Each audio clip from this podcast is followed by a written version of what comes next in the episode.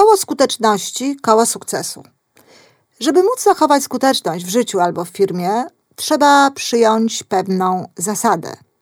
Zasadę stałego dokonywania zmian w naszym działaniu, doskonalenia tego działania, a w firmie wszystkich kluczowych procesów.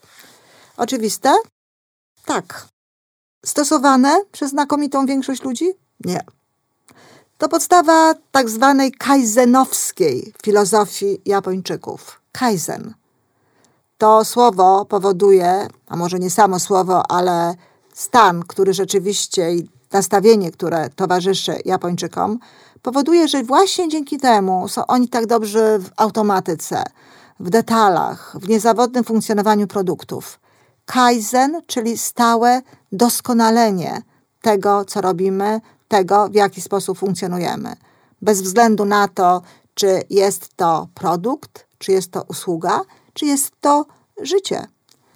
Moja znajoma powiedziała mi kiedyś, że tytuł mojej książki Ku doskonałości i 30 dni z pracy nad sobą może odstraszać ludzi. Ona uważa, że mówienie o ideałach, o doskonałości, o takim właściwym postępowaniu może być dla innych ludzi zniechęcające. Twierdzi, że ideałów nie ma, a perfekcja nie jest nawet specjalnie chwalona. Doskonałość w działaniu to nie jest perfekcja. Nie wiem, czy tak rzeczywiście jest, czy to zniechęca od kupowania mojej książki. Książka sprzedaje się zupełnie dobrze, ale chcę tu wyjaśnić pewną rzecz. Różnicę pomiędzy perfekcjonizmem a dążeniem ku doskonałości. Perfekcjonizm rzeczywiście nie jest niczym dobrym. On ogranicza ludzkie działania i w sumie nie daje radości. No bo jeśli ktoś ciągle jest skoncentrowany na tym, żeby robić pewne rzeczy dobrze, musi jednocześnie zauważać, że nie robi ich dobrze. To odbija się rykoszetem niejako na świadomości siebie, na poczuciu własnej wartości, na zadowoleniu z siebie i w konsekwencji z całą pewnością obniża jakość życia, a pewnie też i jakość działań. Jednakże czym innym jest perfekcjonizm, a działanie na najwyższym poziomie własnych możliwości w danym momencie. Chodzi po prostu o to, żeby robić wszystko w taki sposób, w jaki teraz, dzisiaj, przy tym nakładzie moich sił, jakie mogę w to włożyć, przy tych możliwościach, jakie posiadam i tych wszystkich innych realiach, jakie mnie otaczają, działać naprawdę na najwyższym poziomie. Ja w żadnym wypadku nie jestem perfekcjonistką. Jednak kiedykolwiek coś robię, to wkładam to całą siebie.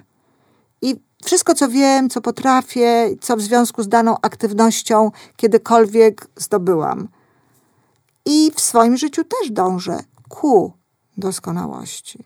Ku doskonałości, czyli nie znaczy to wcale, że jestem doskonała, czy że chcę być doskonała. Ja traktuję po prostu i do tego zachęcam i w tej książce, i w, i w czasie tych krótkich wykładów, zachęcam do tego, żeby właśnie w swoim działaniu iść w kierunku tego, co uznajemy za doskonałe w danej dziedzinie. Ja się rozwijam, pogłębiam wiedzę, zdobywam nowe doświadczenia i dlatego moja praca wznosi się na coraz wyższy poziom. Wiem coraz więcej i coraz lepiej się w tym wszystkim czuję. Sama również w taki sposób staram się realizować swoje cele. To jest ta wskazówka. To nieprawda, że nie ma ideałów. Ideały są. Są tworem naszej wyobraźni i to właśnie te ideały pokazują nam drogę to dzięki temu wiemy, dokąd dążyć. Nie możemy żyć bez ideałów. Nie można żyć szczęśliwie i działać skutecznie, i, nie można się doskonalić, jeżeli nie wierzy się w to, że jest jakiś ideał, że jest pewnego rodzaju cel, że jest pewna idea, do której chciałoby się rzeczywiście dotrzeć. Ta płyta zresztą także mówi o pewnym ideale, do którego warto dążyć w swoim zachowaniu do skuteczności skuteczność, taka jak o niej tutaj mówimy, też jest ideałem.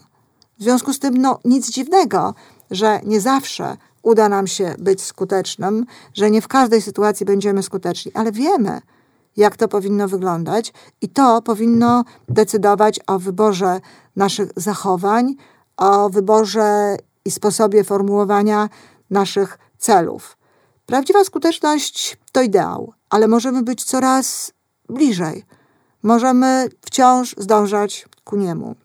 Proszę zresztą zauważyć, że tytuł mojej książki Ku doskonałości ma podtytuł 30 dni z pracy nad sobą. Znowu nie jest to tak, że, że twierdzę, że w 30 dni można dojść do wszelkich celów, że w 30 dni można stać się doskonałym człowiekiem, czy tym bardziej, że w 30 dni można dotrzeć do ideału, który zawsze gdzieś jest przed nami. To pokazuje jedynie, jak można pracować nad sobą. Pokazuje w tej książce właśnie w sposób, jaki można doskonalić siebie, co można robić, aby utrwalać właściwe nawyki. W tym wypadku mówię o siedmiu nawykach skutecznego działania Stevena Coveya.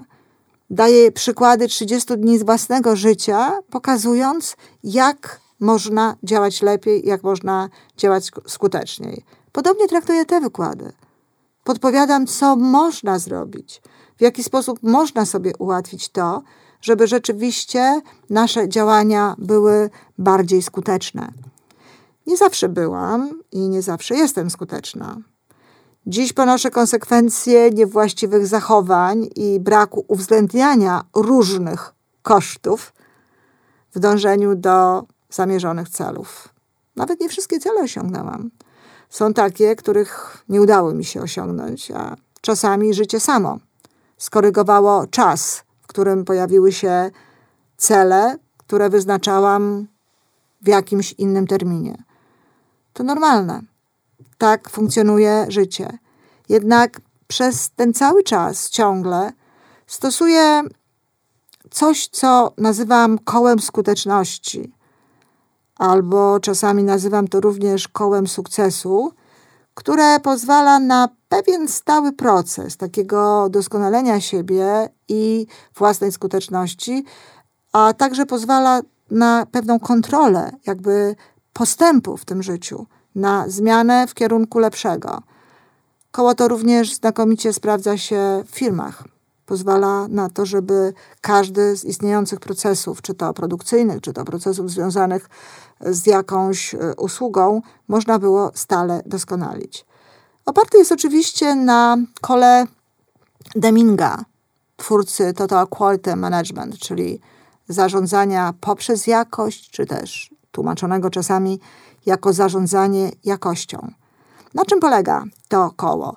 Polega ono na takim cyklu, ciągle powtarzanym cyklu, który zaczyna się od tego, że planujemy coś, budujemy określone cele. Oczywiście przeprowadzamy właściwą analizę kosztów, przygotowujemy strategię, no ale wreszcie w jakimś momencie trzeba zacząć to wcielać w życie. I wtedy mamy etap działania. Działamy oczywiście w zgodzie z tym programem. Wykonujemy pewne konkretne zadania. Naturalnie no, jest to tak, że wymaga to pewnej elastyczności. Mm, czasami pewne zadania dostosowuje się y, do warunków od razu, natychmiast. Ale nie zawsze tak jest. Stąd kolejny etap weryfikowanie. Weryfikujemy to nasze działanie, patrzymy, co nam wychodzi, sprawdzamy. Czasami widzimy, jakie są efekty natychmiast. Widzimy, jak wygląda nasz produkt, widzimy, jak wygląda nasza usługa, widzimy, jakie są koszty tego, co zrobiliśmy i zdajemy sobie sprawę z tego, czy są zbyt duże, czy, czy może e, możemy jeszcze doinwestować, ale czasami jest tak, że trzeba się nad tym zastanowić, że trzeba się zatrzymać, że trzeba popatrzeć, że trzeba popatrzeć na pewne refleksje na przykład zbadać stan naszego zdrowia, przyjrzeć się temu zdrowiu, jak ono wygląda, albo popatrzeć na relacje wśród pracowników, na morale tych pracowników. To już wymaga pewnej weryfikacji celowej i jakby staje się gdzieś kolejnym celem. W wyniku tej weryfikacji, oczywiście, powinno nastąpić pewne dostosowanie.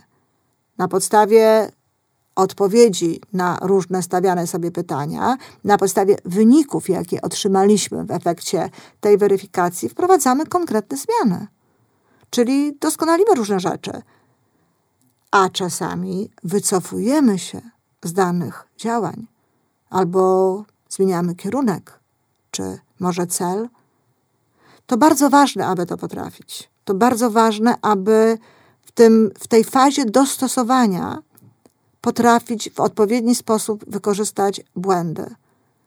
Błędy są czymś normalnym. Ja nie wiem dlaczego, ale istnieje wśród ludzi taka obawa przed popełnianiem błędów. Tymczasem prawdziwe działanie, działanie skuteczne tak naprawdę nie jest możliwe bez błędów.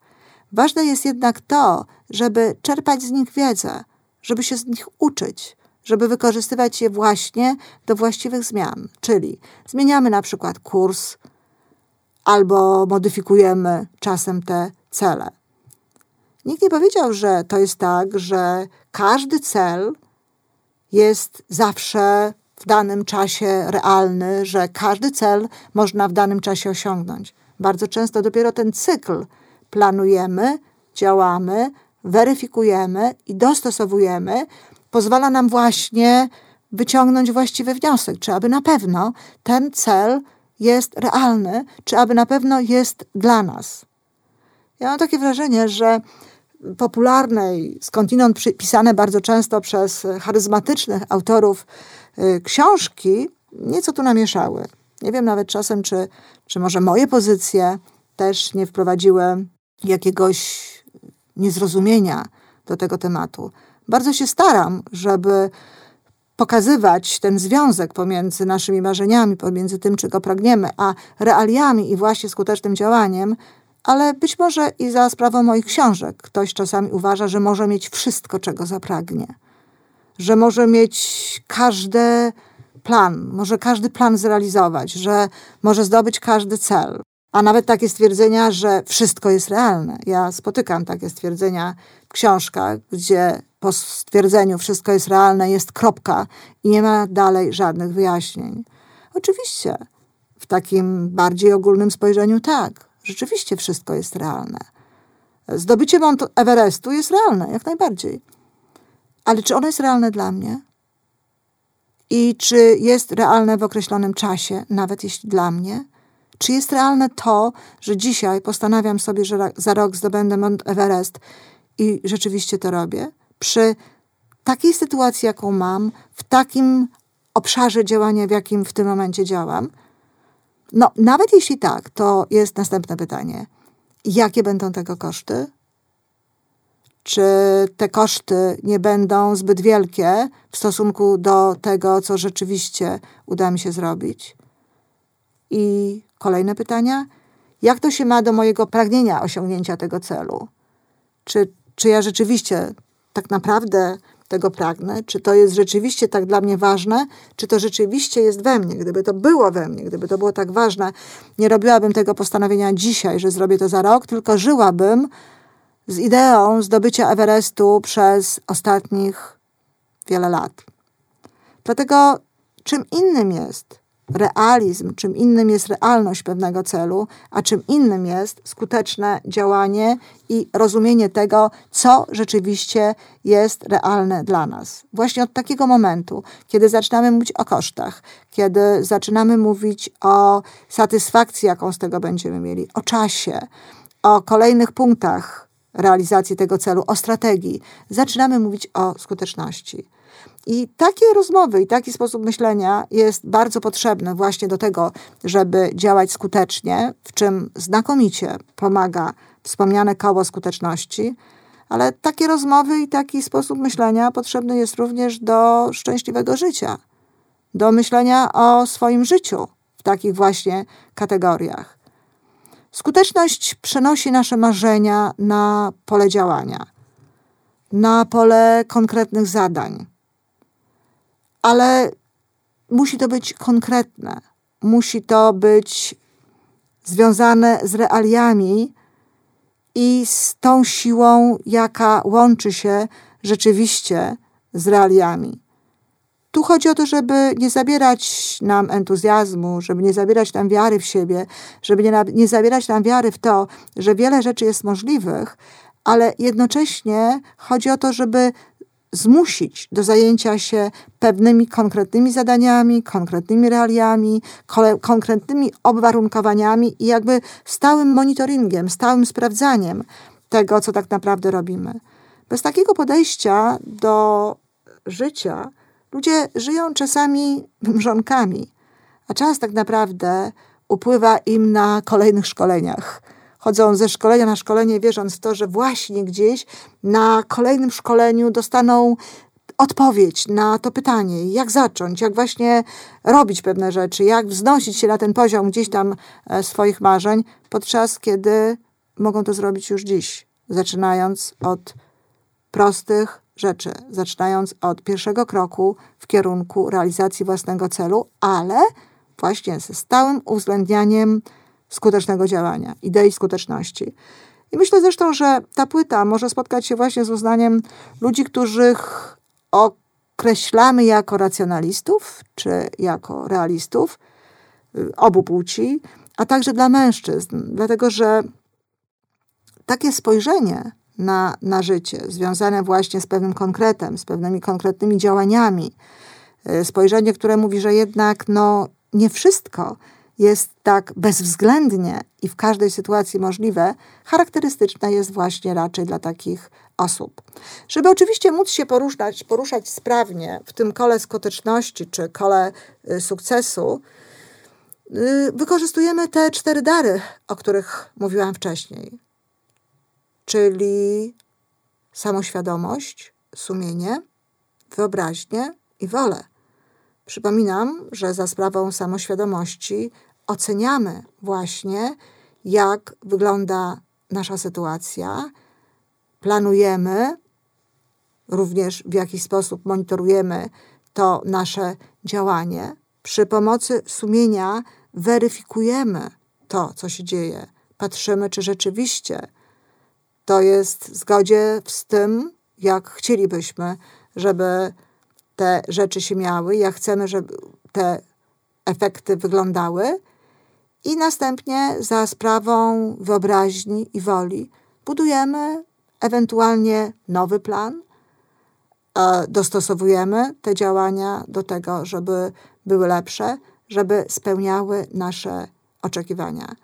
Zapewniam, że takie podejście do życia i takie podejście do każdego obszaru w tym życiu zbliży nas znacznie, nie tylko do skuteczności, ale również do zdecydowanie większego zadowolenia z życia.